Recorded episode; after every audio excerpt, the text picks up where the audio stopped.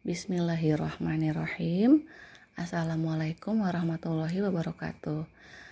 Uh, kali ini sebelum masuk ke tema tentang persiapan uh, menulis atau modal-modal apa saja yang diperlukan untuk menulis, uh, sebelumnya Bibu akan membahas kasus uh, yang baru saja ditangani mengenai kesulitan membaca.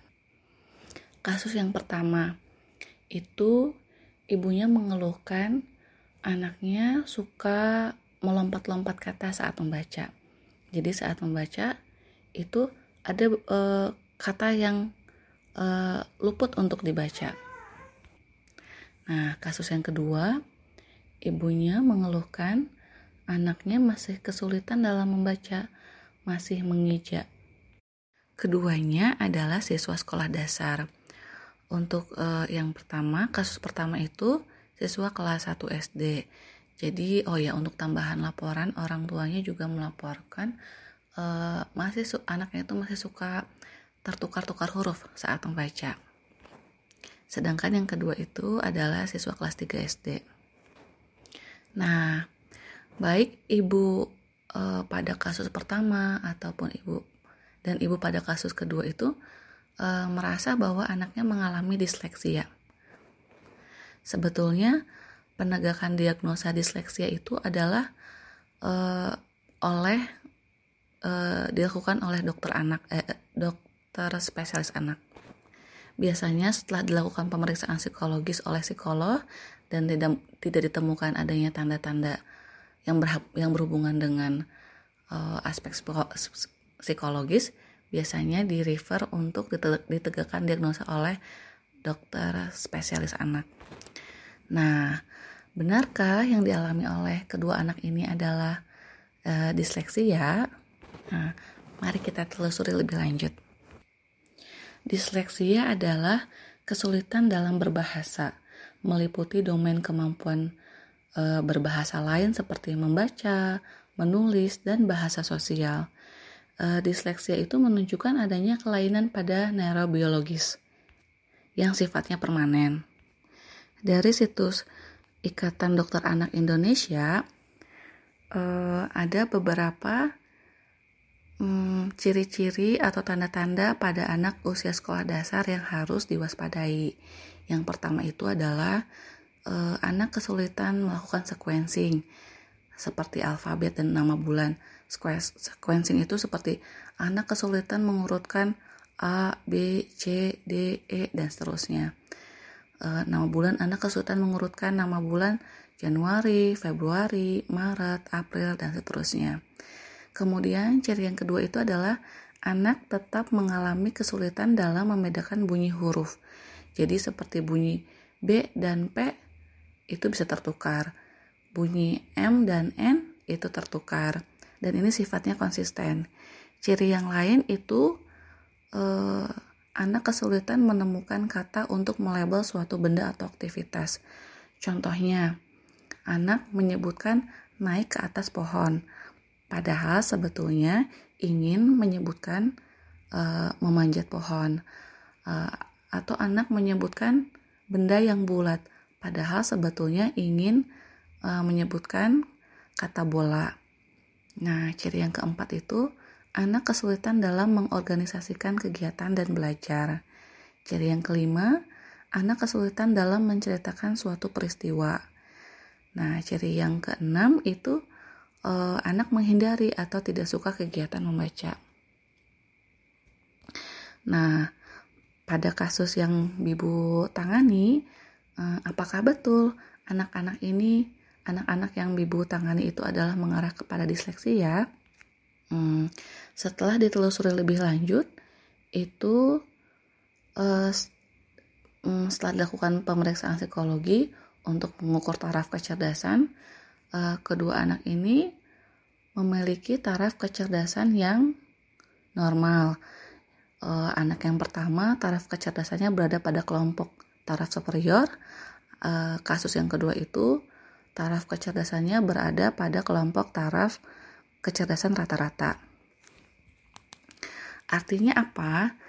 E, jadi sebetulnya dengan taraf kecerdasan yang dimiliki oleh kedua anak ini, uh, mereka seharusnya tidak mengalami kendala atau kesulitan untuk mengikuti pelajaran di baik di tingkat SD, baik di tingkat SMP, baik di tingkat SMA, karena mereka memiliki kecerdasan yang normal. Namun pada kenyataannya uh, mereka mengalami hambatan dalam aktivitas membaca, sehingga hal ini menghambat uh, pencapaian prestasi di sekolah. Pencapaian prestasinya menjadi tidak uh, menunjukkan um, potensi kecerdasan yang mereka sesungguhnya miliki. Oke, kita mulai bahas untuk kasus yang pertama. Kasus yang pertama itu uh, uh, siswa kelas 1 SD yang dia saat membaca itu suka uh, atau kerap melewati kata saat uh, membaca. Jadi ada kata-kata yang luput untuk dibaca terlewat aja terlewat aja uh, terlewat untuk dibaca. Uh, saat membaca ada kata yang terlewat. Kemudian membaca lagi ada kata yang terlewat. Dan uh, saat menyebutkan huruf uh, beberapa hu huruf itu disebutannya kurang tepat. Seperti huruf B uh, dibacanya P seperti itu. Memang sekilas tampaknya seperti uh, mirip seperti tanda-tanda anak yang yang memiliki uh, ciri-ciri disleksia. Nah, tapi setelah diobservasi lebih lanjut, eh, siswa ini tertukar hurufnya tidak konsisten. Jadi, mm, pada kalimat pertama dia bisa mengenali huruf B, eh, pada kalimat berikutnya eh, dia menyebutkan huruf B dengan huruf P. Dan selama observasi itu, selama pemeriksaan psikologis, uh, ada yang menonjol dari uh, siswa ini. Selama tes itu menunjukkan posisi duduknya itu serengka, sering kali menaruh hmm, badannya di atas meja atau sering bergoyang-goyang uh, punggung apa bahu kiri dan bahu kanannya. Jadi bergoyang-goyang itu kadang belok ke kadang menaruh bahu kiri di meja atau bertukar lagi bahu kanan ditaruh di meja. Seperti uh, kelelahan untuk menahan duduknya untuk tetap tegak. Jadi kesimpulannya anak ini belum bisa untuk mempertahankan posisi posisi tubuhnya posisi duduknya dengan tegak uh, ia masih kesulitan untuk duduk nyaman dan tenang selama belajar. Jadi duduk tenang dan nyaman itu ditampilkan dengan posisi duduk yang tegak, mampu mempertahankan posisi duduk yang tegak dalam waktu tertentu. Kenapa anak ini posisi tubuhnya bergoyang-goyang? Hal ini disebabkan dari otot punggung yang belum kuat, uh, sehingga mudah kelelahan di saat belajar dapat dikatakan keseimbangan gerak tubuhnya pun belum, uh, belum optimal. Hal ini yang menyebabkan uh, siswa ini kesulitan untuk tetap memfokuskan perhatian pada tulisan yang sedang dibaca. Karena saat ia kelelahan, hal ini akan mempengaruhi proses belajarnya. Saat anak ini duduk terlalu lama, ia merasa pegal dengan tubuh bagian atasnya, ia merubah posisi sehingga uh, ia kehilangan fokus terhadap apa yang sedang dibaca atau apa yang sedang dipelajari. Ini menjadi penyebab mengapa ia suka melompat uh, melompat kata saat sedang membaca. Jadi pada anak-anak yang keseimbangan gerak tubuhnya belum optimal, ia akan mudah merasa lelah saat belajar dan ini mempengaruhi uh, fokus perhatiannya uh, terhadap pelajaran yang sedang dipelajari, baik itu saat sedang kegiatan membaca, baik itu saat kegiatan menulis. Oke, selanjutnya itu uh, kasus um, kesulitan membaca pada siswa kelas 3 SD. Biasanya umum juga untuk uh, psikolog itu menerima uh, keluhan pada siswa-siswa uh, SD kelas 3 uh, karena memang kelas 3 itu bobot pelajarannya sudah semakin rumit jadi sudah membutuhkan bacaan pemahaman yang lebih uh, kompleks dibandingkan kelas 1 dan kelas 2 jadi dianggapnya siswa ini sudah bisa mengikuti pelajaran kelas 1 dan kelas 2 begitu ketemu dengan pelajaran kelas 3 yang sudah semakin rumit baru baru terlihat uh, anak ini kesulitan untuk mengikuti pelajaran. Nah, dari dari hasil observasi uh, berbeda dengan anak yang pertama, uh, anak ini posisi duduknya sudah uh, bisa tegak dan bisa mempertahankan posisi duduk tegak dalam waktu lama. Artinya anak ini merasa nyaman dengan tubuhnya, keseimbangan gerak tubuhnya sudah optimal ia tidak ia tidak mudah lelah uh, saat belajar tapi ia masih mengeja saat membaca. Kenapa ya? Hmm, dugaan diagnosa disleksia pada kasus ini juga patah. Uh, kenapa?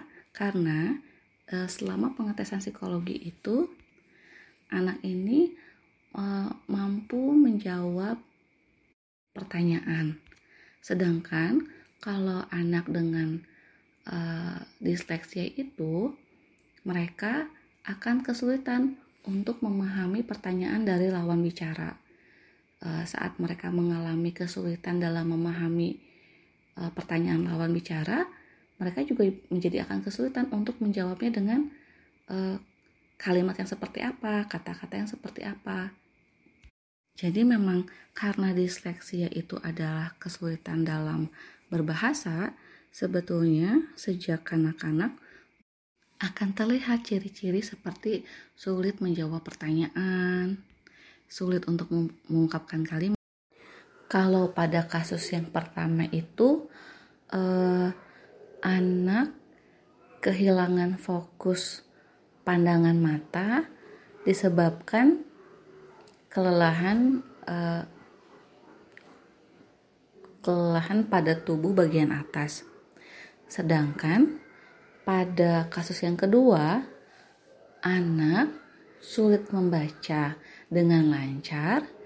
Anak ini sudah bisa memfokuskan pandangan, tapi ia kesulitan untuk mempertahankan fokus pandangan matanya terhadap tulisan tersebut ia merasa kelelahan, matanya merasa kelelahan saat harus uh, terus-terusan mempertahankan fokus gerakan matanya pada sebuah tulisan.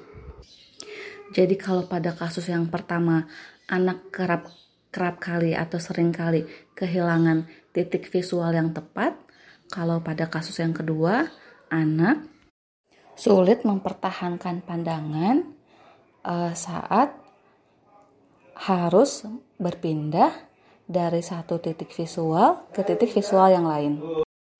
Dalam buku Assessing Neuromotor Readiness for Learning itu disebutkan bahwa kelancaran, akurasi, dan pemahaman saat membaca itu diawali oleh perkembangan dari rangkaian yang kompleks dari gerakan mata. Diawali dengan kemampuan mata untuk menemukan titik visual yang tepat.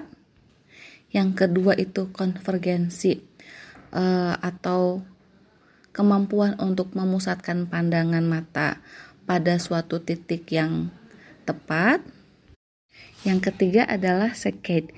Sekate ini adalah kemampuan gerakan mata untuk beralih fokus dari satu titik ke titik yang lainnya tanpa disadari saat kita membaca itu kita suka melakukan cross check ke belakang. Recheck lagi apa yang kita baca apakah kita sudah membaca dengan benar apakah kita melewatkan suatu informasi.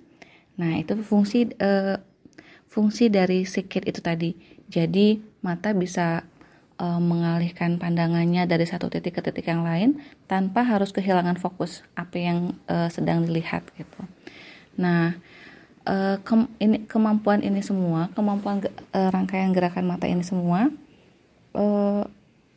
didasari oleh perkembangan syaraf motorik yang optimal, keseimbangan gerak tubuh yang optimal. Dari hasil interview uh, kepada ibu pada kasus kedua itu diketahui bahwa uh, pada kasus yang kedua itu uh, anaknya pada saat uh, balita itu tidak melewati fase merangkak.